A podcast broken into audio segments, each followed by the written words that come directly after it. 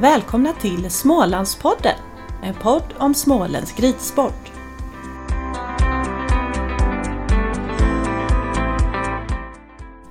Sara Nilsson är en av alla fantastiska ridlärare som finns på våra småländska ridskolor. Hon har gått hippologutbildningen och är svensk ridlärare level 3. Hästintresset har hon med sig sedan barnsben, även om hon inte kommer från någon hästfamilj. Hon har som många andra cyklat fram och tillbaka till ridskolan och redan när hon gick i nian bestämde hon sig för att hon skulle bli ridlärare. Hon har jobbat inom ridskolevärlden i många år och de senaste åren som ridskolechef på Lammhults ridklubb. I samband med Smålands ridsportförbunds ridskolekonvent i november hade vi en mycket intressant och lärorik pratstund med Sara. Om rollen som ridlärare, om att rekrytera nya hästar till verksamheten, om föreningens unghästprojekt, om hur man har medarbetarsamtal med sina fyrbenta kollegor och mycket annat. Häng med!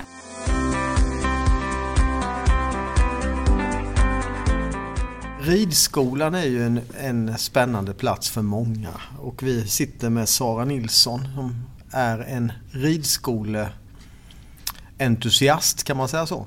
Det kan man säga, ja. Du var ju, var ju eh, länge i Braås. Mm. Du gjorde många spännande saker där. Ja, Och nu är du i Lammhult. ja. Men vem är du egentligen? Bra fråga. Ehm, om man säger så här, mina föräldrar har ju ingen hästbakgrund. De har ju aldrig hållit på med hästar så mycket. Eh, utan det, det hästdrivet har ju kommit från mig liksom, från början. Och eh, jag började rida på en liten eh, gård där de hade två nordsvenskar. Och sen växte det liksom till en 4H-gård med verksamhet och så. Eh, och ehm, när jag gick i nian så, så fick jag ju upp ögonen för hippologutbildningen. Och då bestämde jag mig att jag ska bli ridlärare. Eh, sen när jag gick i nian så fick vi skriva ett brev där vi liksom så här, vad gör du om tio år? Så, som man gör när man ska sluta, sluta nian. Många gör det tror jag. Och det brevet hittade jag för, ja, nu kanske det var en fem, sex år sedan jag hittade det brevet. Och då så står det så här, om tio år eh, har jag gått hypologutbildningen och är anställd som ridlärare. Eh, om, om man ser då 98 och sen 2008, då tog jag studenten, eller examinerades som hypolog och hade fått anställning på rid, ridskola. Men så du- det är rätt intressant. Så att, eh, Jätte, jättespännande. Vilken, Ja. vil- vilken resa. För då var det ju inte mamma och pappa som egentligen hejade på ditt hästintresse utan du hejade på dig själv. Ja, det kom liksom, ett, det var ett eget driv eh, att hålla på med hästar och det var eh, Mamma och pappa ställde ju upp och det var inte någon som bromsade mig men jag fick ju alltid köra eller cykla själv liksom och vi hade ju tre kilometer till stallet. Eh, och jag var ju där flera dagar i veckan. Eller så. Mm. Men du, hippologen där, Ja. blev den så, så kul och, och spännande och bra som du trodde när du i nian bestämde dig för att hippologen var nästa steg?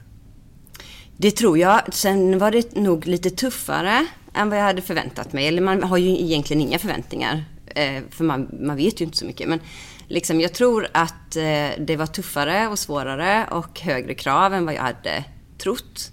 Eh, så att det var ju lärorikt både att man utvecklas i ridningen och i sin pedagogik och man lär sig saker men även eh, att man utvecklas som människa och träffar andra människor från andra områden som kommer med andra värderingar och man ska liksom förhålla sig. Så jag tycker att eh, inte bara hästkunskapen utan även liksom hur jag fungerar, hur andra människor fungerar och det var en väldigt värdefull eh, liksom, insikt och så. Ja. Egen häst, har du haft det hela tiden? Inte jättemycket har jag inte haft egna hästar. Eh, min första häst var en, eh, en travhäst som vi köpte för 3000 inklusive utrustning. Honom hade jag hela min gymnasietid. Eh, sen så insåg vi att nej, men Sara behöver nog ha kanske något annat.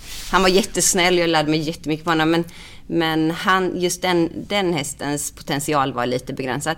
Så då fick jag möjligheten att vara foderhäst till en, ett halvblod som jag hade i ett år. Och sen så åkte jag iväg. Jag var och jobbade som praktikant eller, eller så hos Anders Norman i Sölvesborg. Ett hoppstall. Mm.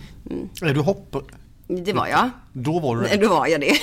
Men det är du inte nu. Nej, men då var vi liksom, han, de hade ju, Anders Norrman hade ju sitt hoppstall Mm. på samma plats som ridskolan. Så i och med att jag var också så intresserad av ridskoleverksamheten så fick jag ju båda världarna. Så jag kunde både följa med på meetings och vara med på träningar och de sakerna med Anders Norrman. Men jag fick också gå bredvid ridlärare och vara med på den svängen. Vad är det som är så Men- kul med, med ridlärarjobbet då? Alltså det som, det som motiverar mig mest det är ju eh, mötet med eleverna. Att, och det kan kännas kämpigt ibland om man tycker att man tragglar samma saker. Men rätt för det så kommer den här aha-upplevelsen och poletten trillar ner. Och då blir man ju lika lycklig själv tror jag som eleven blir. Eh, och också att man jobbar tillsammans med de här fantastiska fyrbenta kollegorna. Som man också ser att de utvecklas och, och man ser att de kan ju lära eleverna saker som inte jag kan. Det är så du ser Mm. hästarna som dina kollegor? Det är mina kollegor, ja. Absolut. Ja. Det är det. Hur, hur går ett personalmöte till eh, med dina kollegor? ja, precis. Eh, ja, hur går det till? Ehm,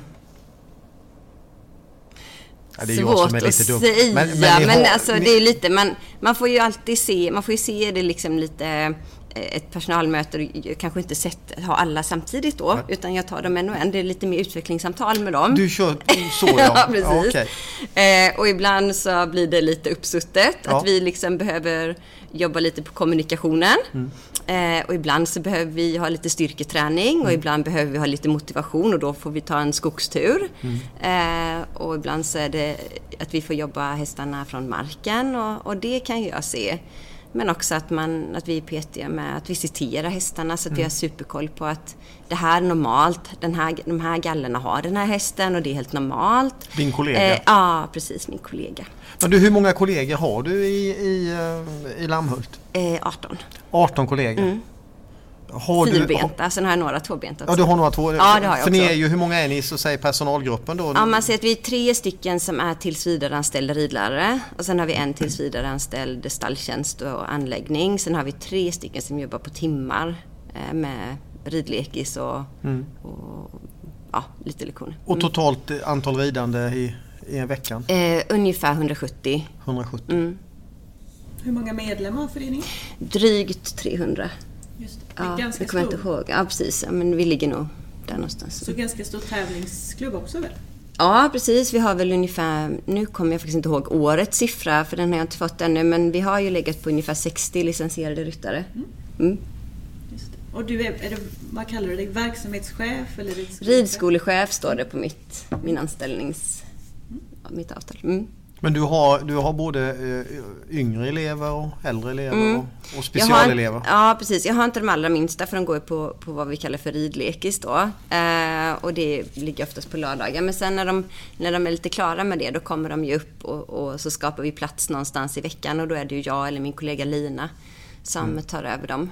Mm. Men du, jag är lite nyfiken för jag, jag tyckte det var så spännande att du, du pratar om, om hästarna som dina kollegor. Eh, 18 kollegor. Eh, och det är ju alltid så här när en, en ny eh, kollega ska in i arbetsgänget så är det ju alltid man känner av varandra och eh, det där kanske, är hon eller han sådär bra som det stod på CVt. Hur gör du för att känna av dina nya kollegor när ni får nya hästar till, till Lammhult? Mm. Ehm, nu har man ju hållit på så länge med hästar så jag tycker ofta att man får en känsla direkt när man ser hästen. Man ser i ögonen och i hållningen hur den är. Och tyvärr är det ju så att, att eh, de hästarna som är ridskolehästmaterial, de eh, försvinner så snabbt från marknaden. Så det är ju inte så ofta det finns möjlighet och tid att åka och provrida en massa hästar. Utan man Hur får får ni liksom, hästarna? Hur kommer de till dig? Eh, I de flesta fall, eller de hästarna som jag köpt osett, de kommer ju på lastbil. Utav någon så så här Häst, eh, handlare försäljningsstall eller eller så. försäljningsstall. Mm. som kan. k- Finns det ridskoleförsäljningsstall som är professionella på att verkligen hitta rätt häst till, till dig? Det tror jag. Ja. Hur, att hur, jag- kan det, hur kan din eh, kravspec se ut då när du ringer till, till eh, hästförsäljarstallet? Eh, det, beror, det beror på lite grann vad det är man söker för tillfället.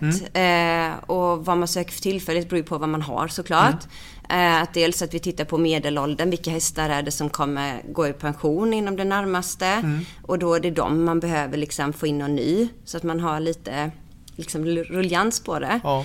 Ehm, och sen så Eh, så om vi säger så att jag skulle behöva en stor häst till exempel. Då får man ju se till så här, vad har jag för elever som rider på de här, vad är det för nivå på dem och, och hur, eh, vad krävs liksom. Eh, och så som vi har det nu så behöver vi ha liksom en stabil, liksom, det behöver vara ett ben i varje hörn, eh, viktbärande. Ehm, eh, men med egen, en egen balans. Och sen behöver den vara trygg. Och inte för känslig, inte för kvick, fast den får heller inte vara liksom helt döv. Så. Döv, nej. nej. Eh, så det är ju jättesvårt. Men vi, de kontakterna jag har, de har... Eh, de vet liksom, de flesta ridskolorna söker ungefär samma sak. Eh, Det låter så- som att det är en standardmodell. Ett ben i varje hörn, lugn, trygg, Ja, stabil, precis. viktbärande. En ridbar men inte för känslig. Ehm, ja. Köper ni bara av handlare eller även av privatpersoner? Eller? Eh, vi köper från privatpersoner också. Det gör vi. I vissa fall har vi faktiskt köpt direkt från uppfödare. Men då, det gör man har lite... Alltså ska man köpa ponny så kan man göra det. Mm. Men då är det lite längre inskolning. Om ni köper en lite yngre häst eller ponny Mm. då måste den så att säga... Ha, hur, hur får man ekonomin i det? Eller har du en styrelse som är, är positiv till att du jobbar långsiktigt med, Mm, med jag. hästanskaffningen? Mm. Vi har ju en styrelse nu som är väldigt liksom, de litar ju på oss. Att det är, det är vi, vi kan häst. Vi vet hur länge, vi kan se, liksom personalen då kan se ett, att kanske om ett par år så behöver denna pensioneras. Och, och de litar ju på oss och lägger sig inte i det så mycket. Utan säger vi att vi behöver ha liksom 90 000 till en ny storhäst, då säger de så här, ja, då får vi lösa det. Är det ungefär där du just nu ser eh, prislappen? Runt Ja. 100 000 för en fin, För en stor häst, ja. för en stor häst? Mm. Man ser ju att priserna har ökat ganska mycket de senaste åren. Upplever du samma för ridskolehästarna? Ja, jag tror det. För jag kan se tillbaka till ehm, ehm, ja, men runt 2017, 2018 när vi köpte hästar. Då kunde vi hitta hästar för 45 000, 60 000. Bra hästar. Br- Ja, bra hästar. Och de finns inte längre. Nej. De kostar, du får lägga på minst 20 000 på samma typ av häst. När, när, du, när du köper en häst ifrån en privatperson eller från, från de här handelsstallen. Vad, vad har du för vad gör du för kontroller? Jag tänker på, du säger att du, du litar på dem, du, du provrider inte. Men hur vet, vet du att de är friska och krya och, och, och Nej, men det vet man inte. historiken? Utan det, det är ju veterinärbesiktningar. Men sen så nu kan man ofta få... Man kan, mm, alla, de flesta som säljer hästar nu, de vet att vi har inte möjlighet att komma och provrida under så snabbt. Liksom. Så man kan ofta få filmer Du dem. menar att det kommer, de ringer dig och säger nu har vi en häst och då får man liksom agera snabbt? Ja, så kan det vara. Ja. Eh, Jag har en kontakt, hon, hon hör av sig till mig med hästar en gång i månaden. Ungefär. Hon bara, Sara, har jag den, hittat den här hästen? Är det något för er nu? Liksom. Eh, Men annars så är det ju att när man ringer så är det ju ofta att de vet att det finns inte alltid möjlighet för ridskolor att komma och provrida. Eh, Och jag tycker nu att det har blivit lättare att få filmer på alla moment. Man får få en film på hur, när den tränsas och när de tar in och ut den från hagen. Uppsittningar, avsittningar. Det är liksom, man kan få film på allting. För, Är det någonting du skulle rekommendera dina kollegor att verkligen eh, dra nytta av att få en film på alla momenten? Ja.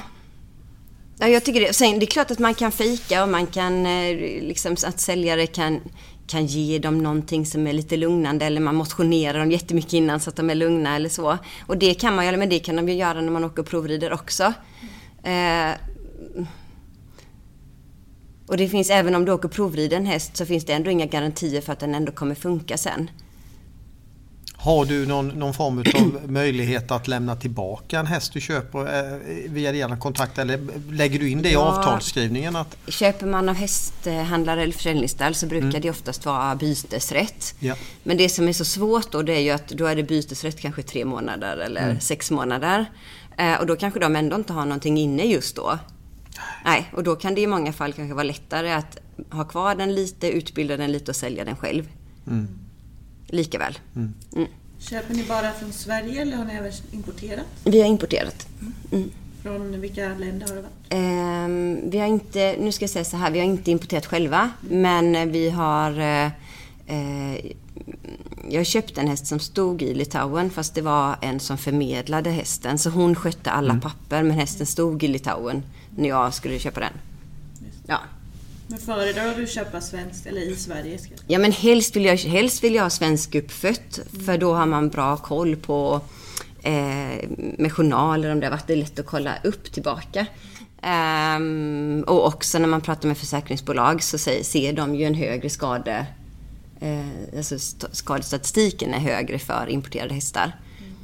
Om du skulle sammanfatta eh, enkelt lite goda råd till, till dina kollegor runt om i Sverige. För jag, jag tror att den bilden du beskriver den, den finns på, på samtliga ridskolor. Sen, sen blir jag ju, måste jag säga, blir väldigt imponerad över din, din långsiktighet och ditt sätt att faktiskt planera och, och dra nytta. Men om du sammanfattar det här för oss.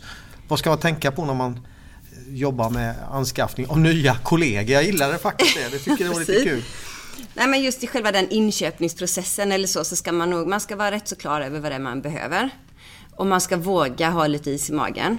Eh, att, eh, och det har jag också lärt mig av erfarenhet, att inte gå på den här, liksom okej, okay, det känns inte riktigt hundra med den här, ska vi chansa eller inte? Nej, då chansar vi inte. Det känns inte riktigt hundra. Lyssna på det. Gå på den magkänslan. Det kan bli bra, men det kan också bli dåligt. Vänta lite grann. Det kommer nya hästar hela tiden, även om man... Mm. Men ja. tänk det här ridskolan, där sitter du, hästarna eleverna, det är massor med elever, de andra mm. hästarna går för hårt, jag är i panik, jag måste ha tag i hästar. Men man ska ändå verkligen tänka ett steg till, vänta. Ja. Känn, känn feelingen i magen. Mm. Och där försöka, och det är jättesvårt, eh, och det här vet alla om, men jag säger det ändå, att försöka att aldrig hamna i den situationen när det är kris. Hur gör man? Hur gör man? Det är att tänka långsiktigt. Hur gör man? Man måste våga, man måste våga ta betalt för sina lektioner så man har ja. en, eh, en ha en buffert liksom. Precis. Så att när man känner så här att, men den hästen, den är bra. Vi behöver inte en sån häst precis just nu, men vi kommer, kunna, vi kommer behöva den kanske framåt. Så bra, då finns det pengar. Vi köper den. Liksom. Och så ha, kan man utbilda den lite parallellt. Eh, det tänker... tror jag är viktigt. För ja. då hamnar man inte där eh, i att det liksom blir kris och panik. Eh, något vi har gjort, för även vi hamnar ju i kris och panik, men något vi har haft lite flyt med och det är ju att vi har fantastiska medlemmar.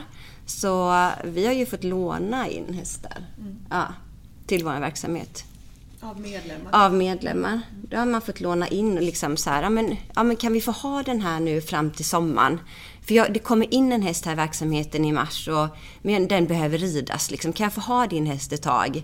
Eh, för jag har hittat den här hästen och jag tror att den kommer bli jättebra. Men jag kan inte sätta in den direkt. Men, men din häst är ju fantastisk. Kan jag få plocka in den i verksamheten och ha den till sommaren? Och då har det inte varit några problem. Så ja, det är ett alternativ och det finns ställen man kan, om man, man kan hyra hästar från så. Som är, inte nu, inte under min tid, men jag vet att det gjordes tidigare, att vi har hyrt in hästar så.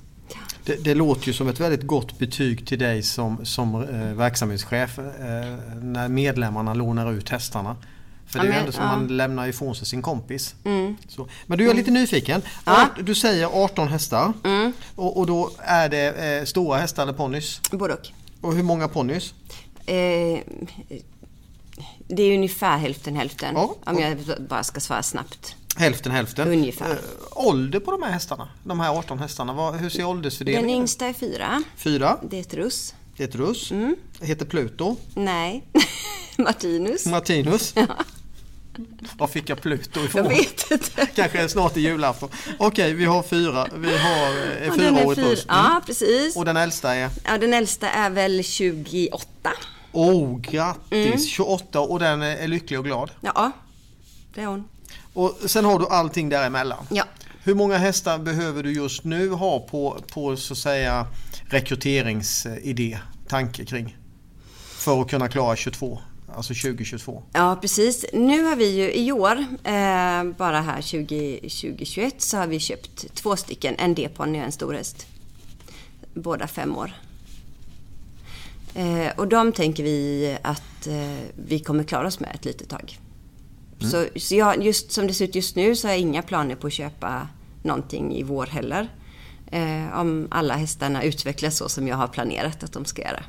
Du... Hur många uppsittningar hade ni nu? 170. 170. Så vi har ju lite för mycket hästar men det är ju för att vi har liksom, ja men Martinus är fyra, vi har Bruno och Lilly som är fem. Mm. Um, Så då, blir, så då står vi, vi står ju med lite för mycket hästar just nu.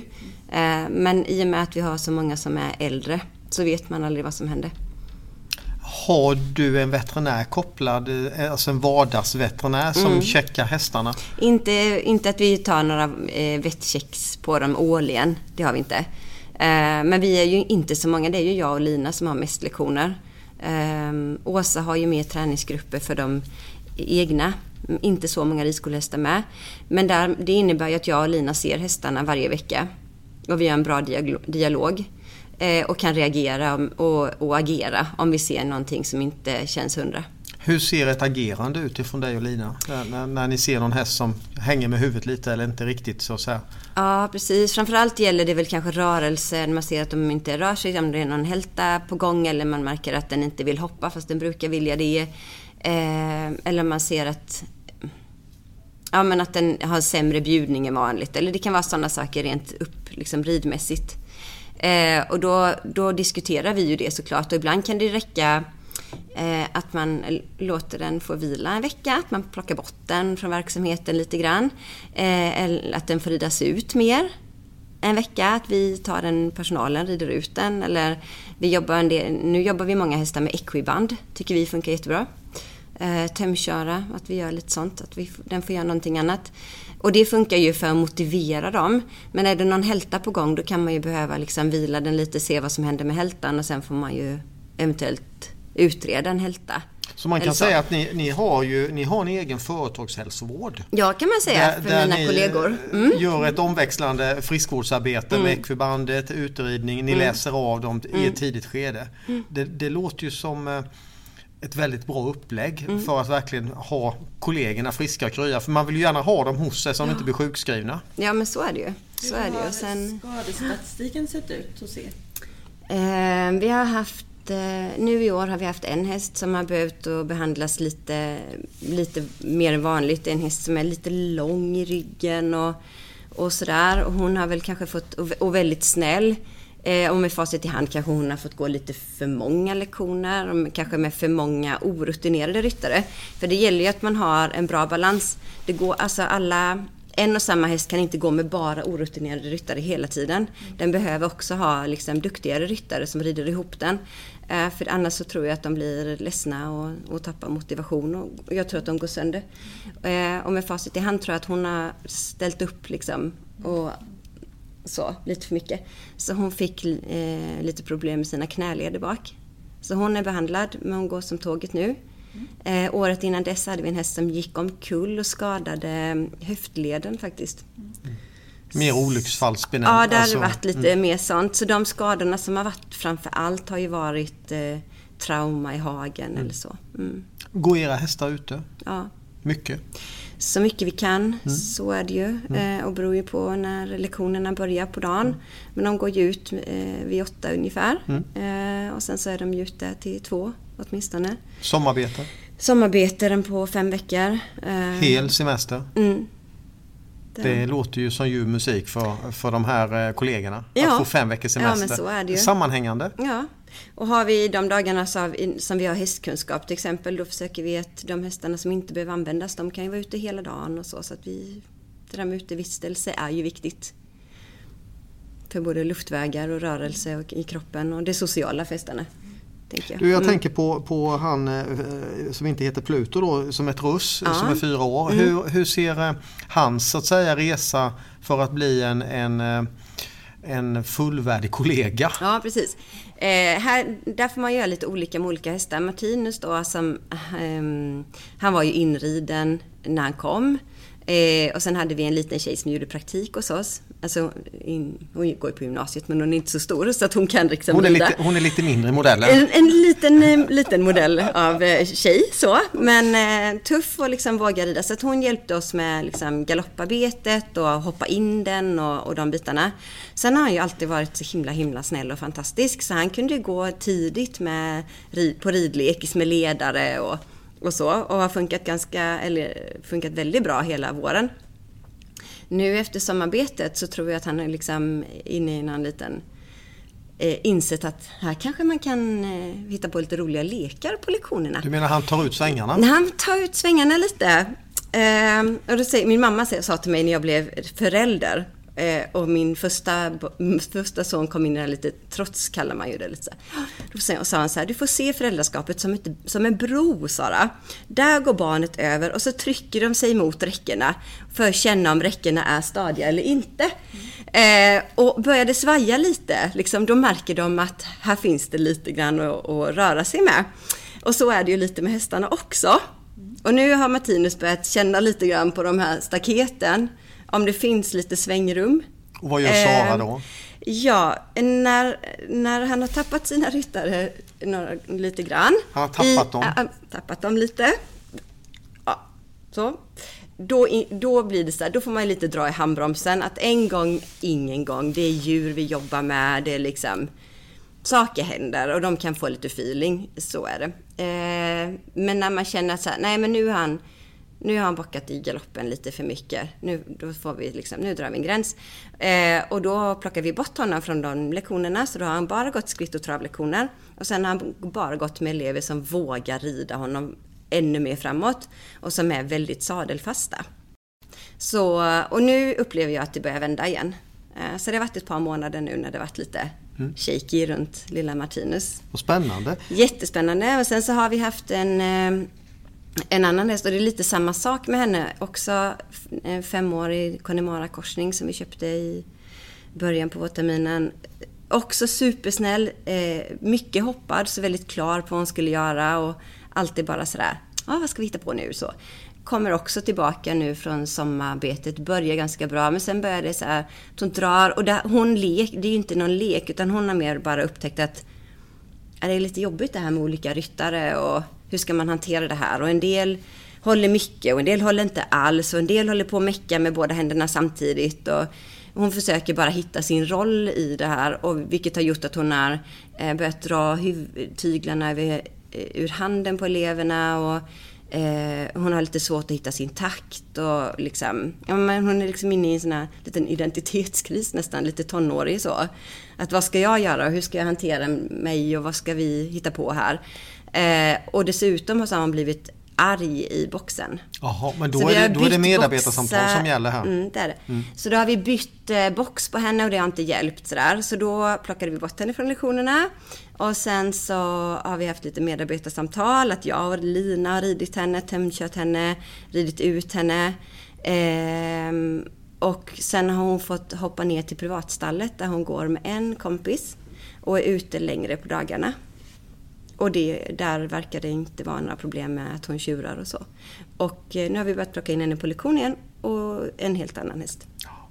Men det visar ju att din, din, din kunskap och ditt engagemang gör ju att du, du ser varje kollega eller varje mm. häst. Mm. Och det är väl ett jättebra tips att skicka mm. med att faktiskt läsa hästarna. Ja, ja det är men, jätteviktigt men det, sen är det ju jätteolika och beroende på vad de har för för bakgrund. Våran, vi köpte in den här hästen från Litauen. Han är ju med halvblodstyp, lite mm. valpig, stor liksom.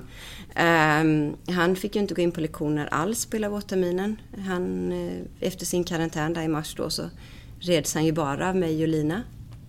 Uh, och sen i slutet på våren så fick han gå in på lite, i lite grupper bara för att känna att han funkade liksom i grupp och inte blev förskräckt när de andra galopperade. Kallade vi det för gruppterapi, jätteroligt. Så han fick in på lite gruppterapi. Uh, sen så var han med Ja, jag tycker det är roligt i alla fall. Lina tyckte inte det var så roligt. För hon, Lina är din kollega? Det är min kollega. Han, eh, hon skulle ha med honom på en eh, hästkunskapslektion och visa lite hur man fattar galopp och sådär. Och då var det ganska soligt en kväll, så det var ju solkatter i manegen. Eh, och han blir jätterädd och tvärnitar och vänder så hon åker ju av rätt så rejält. Inte att hon, ingen ambulans eller så, men hon gör ju illa sig lite. Eh, och sen dess så har Lina haft solkattsterapi med honom på kvällarna. Så så fort det varit fint väder eh, så har hon efter lektionerna tagit in honom och gått runt med honom där. Så. Det känns som att ni har väldigt kul på, på ridskolan i Lammhult. Ja, det har vi. Det har vi. Man får liksom... Ja. Mm. Men du är lite nyfiken, för, för det här låter ju eh, i mina öron som en väldigt bra plan för, för hästarna. Ett bra samspel mellan er som jobbar. Mm ni, ni, tar tid på er, varje häst eh, får liksom ta plats och, och en fin inskolning. Hur lyckas du övertyga styrelsen att det här är rätt? För, för det här handlar ju faktiskt om ekonomi också, att ha mm. råd mm. och ha en tålmodig styrelse som tillåter det här och inte de här liksom snabba, in med hästarna snabbt, snabbt. Ja. Hur gör du? Jag vet inte hur jag gör det. Eh, jag upplever i, eh, i Lammhult att det alltid funnits liksom eh, att hästarna måste funka. Liksom. Det är en förutsättning att hästarna funkar. Mm. Har du en kunnig och, styrelse, en hästkunnig styrelse som, som verkligen kan häst? De är ju kunniga på det viset liksom på hobbynivå om man säger. Men de litar på oss och de vet mm. att vi är anställda för att sköta det här. Liksom. Eh, och de har också förtroende för oss. Och om vi säger att nu behöver vi göra så här, då gör vi så. Vi har inte, styrelsen har inte det behovet att vi måste gå och säga så här att ja, Martinus är lite dum, är det okej vi plockar bort honom från verksamheten? Eh, vi, gör, vi gör som vi ser att det behövs. Liksom. Hur har du byggt det här förtroendet med styrelsen? För du har ju ändå varit med i den här branschen i väldigt många år mm. och har en sån här eh, bra koppling med styrelsen. Och mm. Det gör ju att du har ett förtroende att du får driva ridskolan. Ja. Nej, jag vet inte hur jag har gjort. Faktiskt, jag kan inte säga att jag har gjort någonting aktivt utan jag har bara försökt att och stå, för, stå upp för hästarna och, och säga så som, som jag vill ha det liksom, och så som vi behöver ha det för att det ska funka. Om du ska skicka med något tips till, till eh, andra kollegor som lyssnar på Smålandspodden. Mm. Just att, att hitta den här, för det låter ju väldigt eh, proffsigt och väldigt behagligt att få det ansvaret. Eh, att själv få, få, um, hur gör man för att få styrelsen dit? För det är ju en viktig bit. Om, ja, om man känner man att man har problem med en styrelse, för ibland är det ju kanske en styrelse som vill styra och ställa lite mer och lägga sig i saker som de kanske inte har kompetens till. Eh, det är väldigt viktigt att styrelsen inser att de är arbetsgivare och de har anställt personalen till att sköta de här sakerna. Eh, och det finns ju jättemycket hjälp att få via, men jag tänker ni ja. säkert mm. och även eh, vi pratar mycket med SISU, idrottsutbildarna mm. På Smålandsidrotten. Där finns det också jättemycket hjälp att få att att styrelsen ska inse att de är arbetsgivare och inte arbetstagare. Ja, då... För de går in och mm. liksom petar i en annans roll. Mm. Uh, och det ska de liksom inte göra. Och där, mm, det mm. är svårt. Mm. Du... Har ni tydliga såna här styrdokument och beslutstablåer så att det finns liksom på pränt om det kommer in nya styrelseledamöter eller är det mer levande i verksamheten? Eh, ja, det finns. Nu är det nog inte beslutad ännu, men alla har tittat på den och, och det är ingen som har kommit med några invändningar. Mm. Men jag har ju gjort den själv. Mm. Ja. Ett styrdokument? Liksom. Ja, precis. Besluts, liksom, arbets, arbetsbeskrivning mm. ja, mm. och sen beslutsdokument. Att vi, eller liksom vilka, vem som får ta vilka beslut. Och, mm. ja. För så. Det, det, så är det ju. Eh, det är ju egentligen om man drar det till att köpa häst. Mm. Det är väldigt enkelt. Man, man säger, jag hittar den där stjärnan, den där fantastiska hästen. Mm. Och så tappar man all sans och reson. Jag ska mm. bara ha hästen. Och så mm. köper man den. Och sen har man glömt veterinärbesiktningen och man har glömt att skriva avtal. För så länge allting är bra, då mm. behövs inga styrdokument. Och då behövs inga processbeskrivningar. Men att ha en, en, som du berättar här, en bra arbetsbeskrivning för tjänsten, en processbeskrivning då är det väldigt enkelt mm. Eh, att styra. Så att mm. det är det ett råd du skickar med. Se till att ha uppdaterade arbetsbeskrivningar, processbeskrivning. För att styrelsen också ska känna sig trygg i mm. att ha eh, kloka medarbetare mm. och duktiga medarbetare. Mm. Men du, det, vad är det som är kul med att vara ridlärare? Berätta. Vad, vad, varför, vad brinner du? kan ju lika väl vara undersköterska eller läkare eller präst eller taxichaufför. Vad är det så kul att stå i ridhuset och frysa? Ja, det undrar man ju ibland. När, man, när det liksom blåser på tvären och det är liksom två plusgrader och man är fuktig fast hur man än gör liksom, så känns det känns som att man är fruktig och kall. Mm. Men jag tror att man liksom, man vet att de där tillfällena kommer när, när poletterna trillar ner. Mm. Eh, och man har den här hoppövningen och man ser att den här lite äldre, långsamma ponnyn eller hästen vaknar till och blir jättepigg och lycklig. Och, och så de dagarna kommer ju även om det är tufft ibland. Eh, men det är där man lever för liksom, ljusglimtarna och man lever för eh, hästarna och elevernas utveckling. Um, Ja. Precis. Ja, men jag tror det. Att det är mest liksom...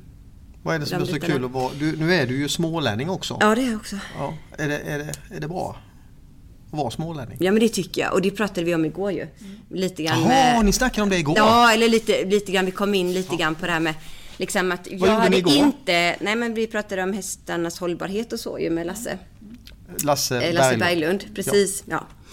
Eh, och då pratade vi om det här med hagtider och uteritter och rida på olika underlag. Jag tror inte jag hade tyckt att det varit lika kul att vara ridlärare och släppa ut ridskolehästarna två timmar på förmiddagen i en liten 10 x 10 ruta. Det hade inte varit kul för mig. Så det är Så, därför så du är hade jag inte. Och det är därför jag upplever att, eh, att det är härligt att bo i Småland. Stora hagar, mycket skog att rida i.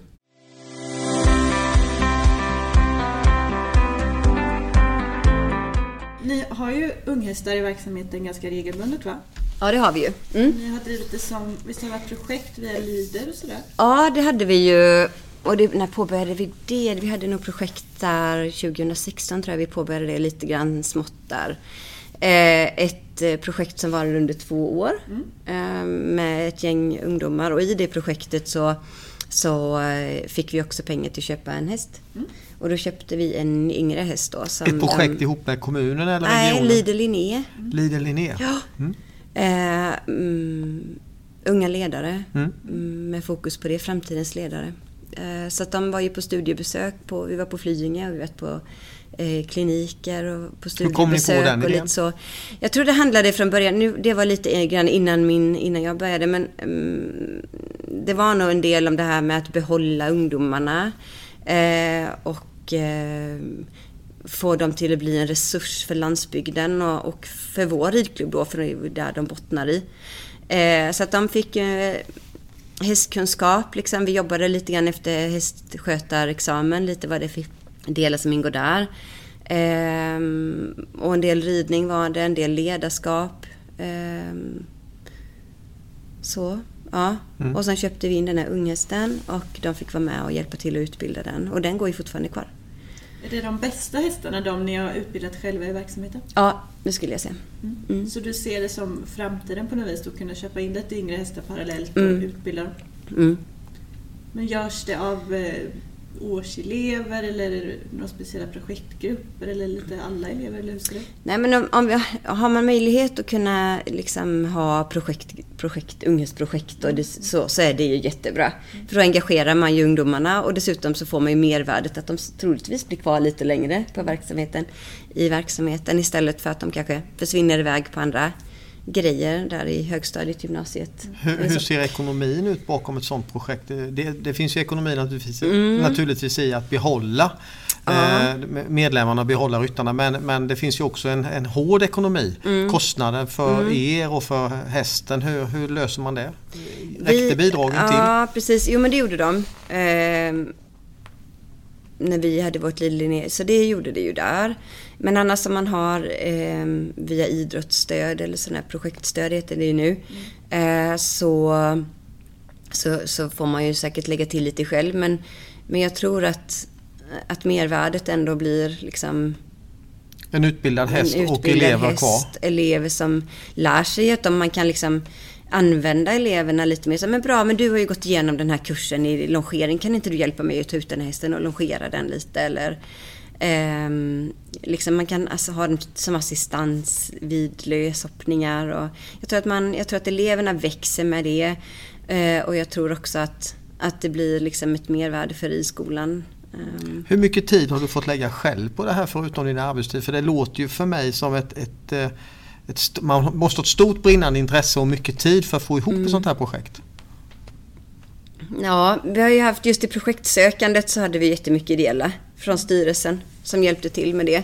Men sen så har ju min arbetstid eh, eh, utökades så hade jag liksom en projektanställning till då på mitt ordinarie. Så när vi höll på med det Lider Linné-projektet eh, så hade jag ju mina 80 procent och sen så hade jag en, en del till då som var projekt, För det går det åt. projektanställning. Det går det åt ja.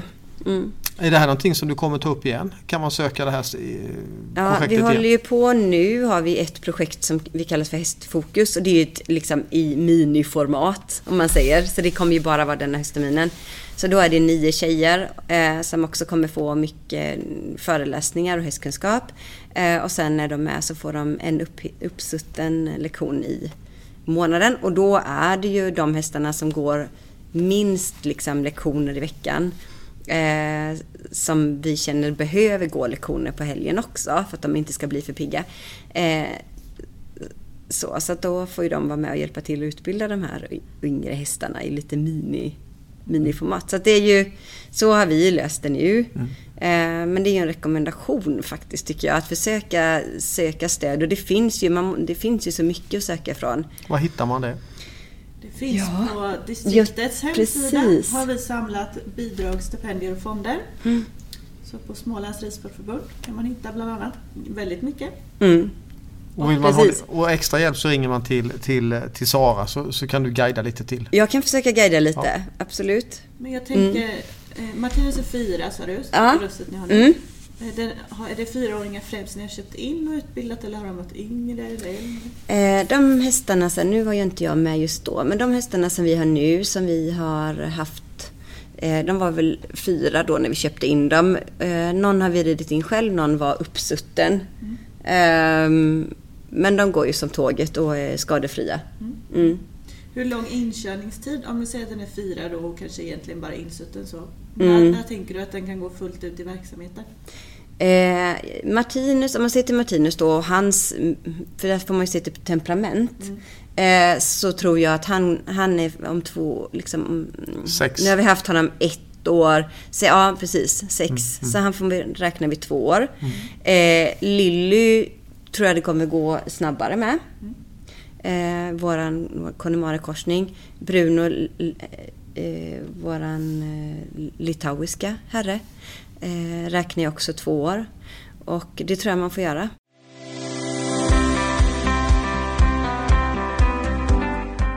Mm. Vad, vad ser vi om tio år i, i, eh, i Lammhult? Med ridskolan? Kommer den se ut som den gör idag? Delvis, men jag hoppas också att vi har eh, ehm, fler halvblodstyper liksom så på hästar. Inte att de, de får inte vara för nätta och sådär. Men jag tror att det, jag skulle kanske vilja ha ännu lite mer ridbarhet på mina hästar. Nu har jag, vi har välfungerande fina hästar men det går liksom alltid att ha en högre ridbarhet på dem. Eh, och sen så tänker jag också att kanske att klientelet kanske förändras. Du tänker hästarna eller kunden? Eh, kund, Eleven? tänker jag. Mm. Hur kommer den se ut om tio år? Vem rider på ridskola om tio Ja, år? det är det man inte vet. Jag tänker att de här friskvårdsbidragen har ju hjälpt jättemycket för de vuxna. Men det kanske blir också, jag tror att mer, fler söker efter kontakten med hästen. Att inte bara, de, de, det är inte kanske alltid så intressant att sitta upp på hästen och lära sig och utvecklas jättemycket om man inte har egen häst. Utan man vill ha kontakten och närheten till naturen och närheten till hästarna. Eh, så den delen tror jag kommer... Motionen. Ja, motionen och lite det här liksom bruset, att liksom bli av med det, att, att släppa det någonstans. Rekre- liksom. Rekreation.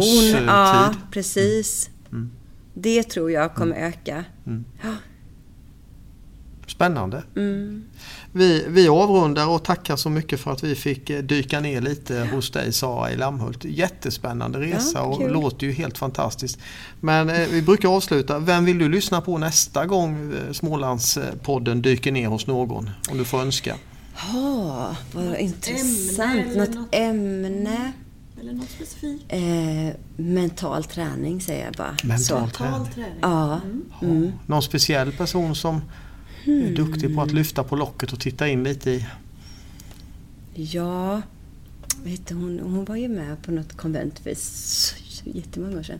Vet du, Nina? Nina Fox ja. Ja. Mm, hon Nina är Fox. östgöte men det Ja. är ju på gränsen. Ja. Ja, det är lite på gränsen. Nina Fox är en väldigt spännande eh, personlighet som, Mm. som har många strängar på sin lyra. Jag eh, tror att vi gör så att vi, eh, vi ringer Nina och ser om vi får dyka ner hos henne. Vi gillar östgötare nämligen. Ja, det vi har ju mycket samarbete Ja, med precis. Östergötland. Ja, det var så här, Ja, top of my mind. Liksom. Tack så mycket. Mm. Tack så Tack mycket. själva. Ni har lyssnat på Smålandspodden, en podd om småländsk ridsport av Smålands Ridsportförbund. Av och med Anna Zetterlund och Stefan Fu. Podden presenteras i samarbete med Agria djurförsäkringar. På återhörande!